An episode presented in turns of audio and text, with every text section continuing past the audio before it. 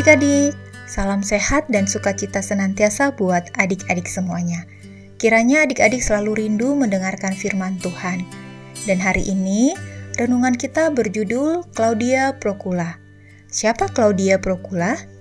Nanti kita akan pelajari. Namun sebelumnya kita berdoa memohon penyertaan Tuhan agar kita mengerti kebenaran firman Tuhan hari ini. Mari kita berdoa.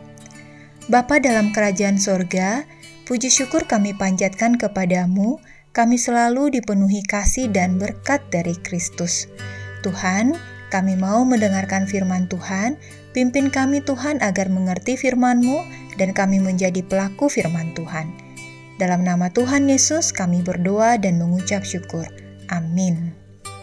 Adik-adik, pembacaan kita terambil dari Matius 27 ayat 11 sampai 26. Kita siapkan Alkitab kita dan adik-adik sudah buka bukan Matius 27 ayat 11 sampai 26. Sama-sama kita baca ya. Yesus di hadapan Pilatus. Lalu Yesus dihadapkan kepada wali negeri dan wali negeri bertanya kepadanya, "Engkaukah raja orang Yahudi?" Jawab Yesus, "Engkau sendiri mengatakannya." Tetapi atas tuduhan yang diajukan imam-imam kepala dan tua-tua terhadap dia, ia tidak memberi jawab apa pun. Maka kata Pilatus kepadanya, Tidakkah engkau dengar betapa banyaknya tuduhan saksi-saksi ini terhadap engkau? Tetapi ia tidak menjawab satu kata pun, sehingga wali negeri itu sangat heran. Telah menjadi kebiasaan bagi wali negeri untuk membebaskan satu orang hukuman pada tiap-tiap hari raya itu atas pilihan orang banyak. Dan pada waktu itu ada dalam penjara seseorang yang terkenal kejahatannya yang bernama Yesus Barabas. Karena mereka sudah berkumpul di sana, Pilatus berkata kepada mereka, "Siapa yang kamu kehendaki kubebaskan bagimu, Yesus Barabas atau Yesus yang disebut Kristus?" Ia memang mengetahui bahwa mereka telah menyerahkan Yesus karena dengki. Ketika Pilatus sedang duduk di kursi pengadilan, istrinya mengirim pesan kepadanya. Jangan engkau campuri perkara orang benar itu, sebab karena dia aku sangat menderita dalam mimpi tadi malam. Tetapi oleh hasutan imam-imam kepala dan tua-tua, orang banyak bertekad untuk meminta supaya Barabas dibebaskan dan Yesus dihukum mati. Wali negeri menjawab dan berkata kepada mereka, Siapa di antara kedua orang itu yang kamu kehendaki kubebaskan bagimu? Kata mereka, Barabas, kata Pilatus kepada mereka. Jika begitu, apakah yang harus kuperbuat dengan Yesus yang disebut Kristus? Mereka semua berseru, ia harus disalibkan, katanya. Tetapi, kejahatan apakah yang telah dilakukannya? Namun mereka makin keras berteriak, ia harus disalibkan. Ketika Pilatus melihat bahwa segala usaha akan sia-sia, malah sudah mulai timbul kekacauan, ia mengambil air dan membasuh tangannya di hadapan orang banyak dan berkata, Aku tidak bersalah terhadap darah orang ini. Itu urusan kamu sendiri. Dan seluruh rakyat itu menjawab, Biarlah darahnya ditanggungkan atas kami dan atas anak-anak kami. Lalu ia membebaskan Barabas bagi mereka, tetapi Yesus disesahnya, lalu diserahkannya untuk disalibkan. Demikianlah pembacaan firman Tuhan.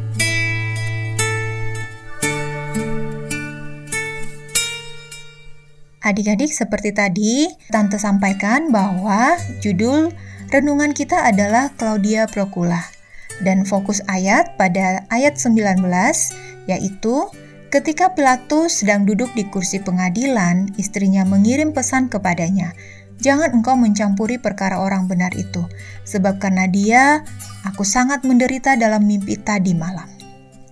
Adik-adik, siapa itu Claudia Procula? Claudia Procula adalah istri seorang gubernur jenderal Romawi penguasa Yudea pada zaman Tuhan Yesus. Siapa gubernur jenderal itu?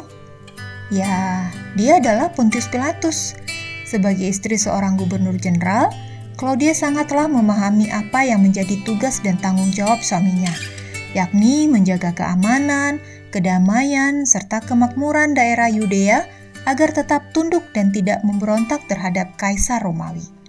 Bahkan Claudia pun sudah hafal ketidaktegasan suaminya.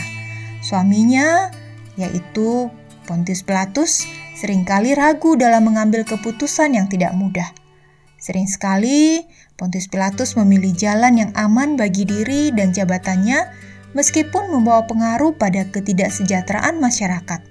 Padahal, keputusan yang salah bisa membuatnya tidak dipercaya lagi oleh kaisar. Hari itu Pontius Pilatus sedang mengadili Yesus yang diyakininya tidak bersalah.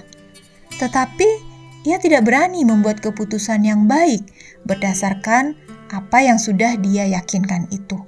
Ia takut dan bingung karena desakan yang begitu hebat dari orang Yahudi untuk menjatuhkan hukuman kepada Yesus.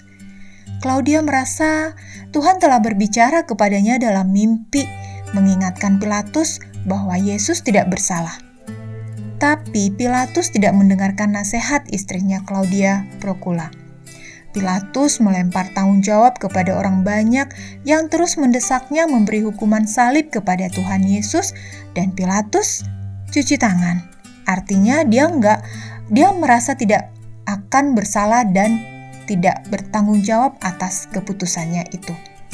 Dan seperti kita ketahui, akhirnya Tuhan Yesus disalibkan. Adik-adik, Pilatus tidak mendengarkan peringatan Tuhan melalui istrinya Claudia. Pilatus lebih takut kepada orang banyak yang mendesaknya daripada istrinya yang telah diperingatkan oleh Tuhan melalui mimpinya. Karena Pilatus ingin selamat, jika Pilatus mengikuti saran istrinya, jabatannya bisa hilang. Nah, adik-adik, bagaimana dengan kita? Apakah kita mau taat akan peringatan Tuhan Yesus? Peringatan Tuhan, pesan Tuhan dapat kita peroleh dari Alkitab, orang tua kita, orang yang lebih tua juga dari kita seperti guru. Karena itu, yuk adik-adik kita mau taat akan peringatan Tuhan. Kita bertekad dan berjanji.